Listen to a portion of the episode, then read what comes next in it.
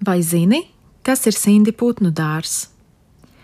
Rīgas kamerkorim Sindi putnu dārs reizē laimējās un nelaimējās dzīvot laikā, kad absolūti viss vēl nebija pateikts, un ik katru notikumu aptina mistiska noslēpumainības migla, tādējādi radot sprādzienu vilnim līdzīgu efektu Latvijas koru sabiedrībā. Ir daudz atmiņu, bet maz dokumentētu norišu. Tehnoloģija uzvaras gājiens noteikti būtu sakojis līdzi ikvienam kora solim, bet atnāca par vēlu.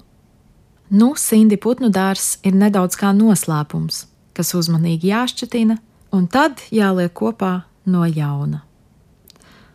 Noslēpuma sākuma punkts, domāju, ikvienam ir kora nosaukums, tādēļ sākumā ķersimies klāt tam.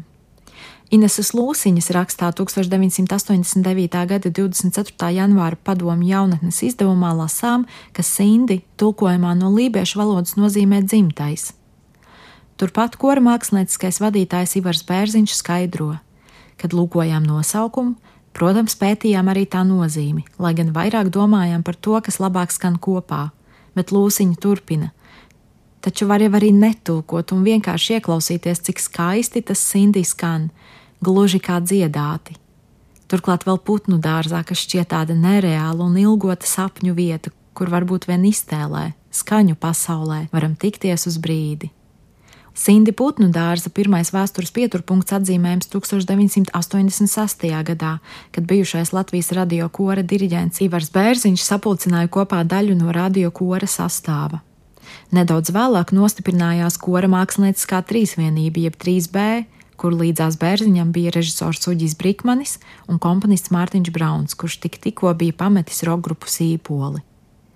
Mēs esam skatāms, nevis klausāms koris.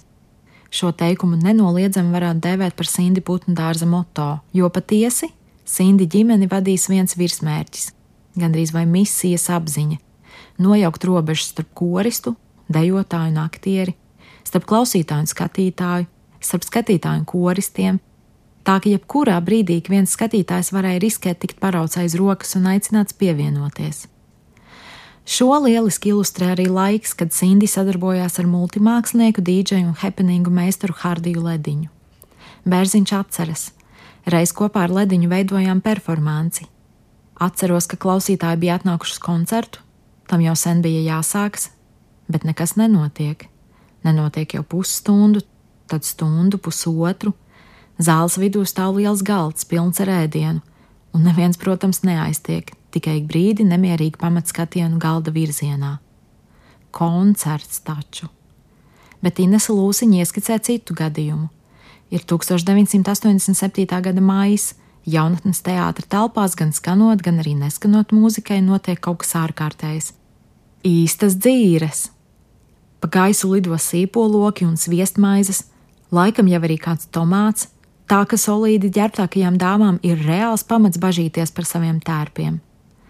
Papildinot itin vulgāras mīlestības ainas, skan sulīga lamāšanās. Var saprast teātra administrācijas uztraukumu, kaut kas tāds šajās telpās vēl nav pieredzēts. 1990. gada sākumā koris ieguva profesionāls vienības statusu, kļūstot par Latvijas mūzikas biedrības kolektīvu. Rīgas dokumentālo filmu studijas kronikā Māksla numur divi atainota viena diena profesionālā kamerkora ikdienā. No rīta dziedātāji apmeklē peldbaseinu un trenižieru zāli, tad dodas uz dienas mēģinājumu, bet vakarā uz Rīgas cirku, lai Latvijas vienīgajā amfiteātrī sagatavotos operas Eiridīka pirmuzvedumam. Mārtiņa Brauna mūzikas un Knutas Kujnieka ieslodzījuma gados tapušās poēmas krustpunkta rezultāts opera Eiridīga postmoderniskā garā apdzied jau izsenis pazīstamo grieķu mītu par Orfeju, tikai apgriež to otrādi, padarot Eiridīgu par galveno visas cilvēces glābēju. Tomēr laikam gan visnozīmīgākais Sindi putnu dārza mantojums ir Mārtiņa Brauna latviešu mesas Daugava atskaņojums. Koris Daugavu dziedājis daudz viet, bet noteikti daudziem vislielāko nospiedumu atstājis mesas atskaņojumi pie brīvības pieminekļa 1990. gada dziesmu svētkos. Mārtiņš Brauns tam savulaik piekritis, jo tolaik mums vēl nebija brīvības, bet atslēdziņi jau bija rokās, turklāt vēl piebilstot, ka neviens koris līdz šim nav spējis tik emocionāli iestudēt Daugavu kā Sindi Putnu dārs. Ar šo emocionalitāti var sacensties tikai lielais meža parka kopkoris. 1993. gadā Ivars Bērziņš devās uz Hamburgas mūzikas un teātra augstskolu, lai apgūtu kultūras menedžmentu, un tobrīd sākās lēna kora agonēšana, kas galu galā noveda līdz kora nāvei. 20 gadus vēlāk, 2015. gada 16. maijā, notika pirmais un pagaidām vienīgais Sindi putnu dārza salidojums dziedāja dziesmas, pārunāja atmiņu stāstus un plānoja Latvijas simtgades atzīmēšanu 2018. gada 17. novembrī Lielvārdē ar Mārtiņa Brauna Daugavas iestudējumu. Diemžēl šos plānus pārtrauca Uģa Brikmaņa nāve 2018. gada augustā. Bet Ivars Bērziņš, žurnālā Santa, kora nāves gadā, jeb 1993. gada decembra numurā rezumē.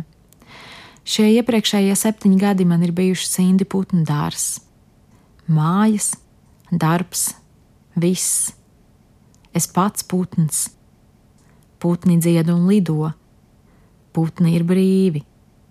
Putnu dārs tas varētu būt viens no pasaules brīnumiem. Sindi putnu dārs, dzimtais pasaules brīnums.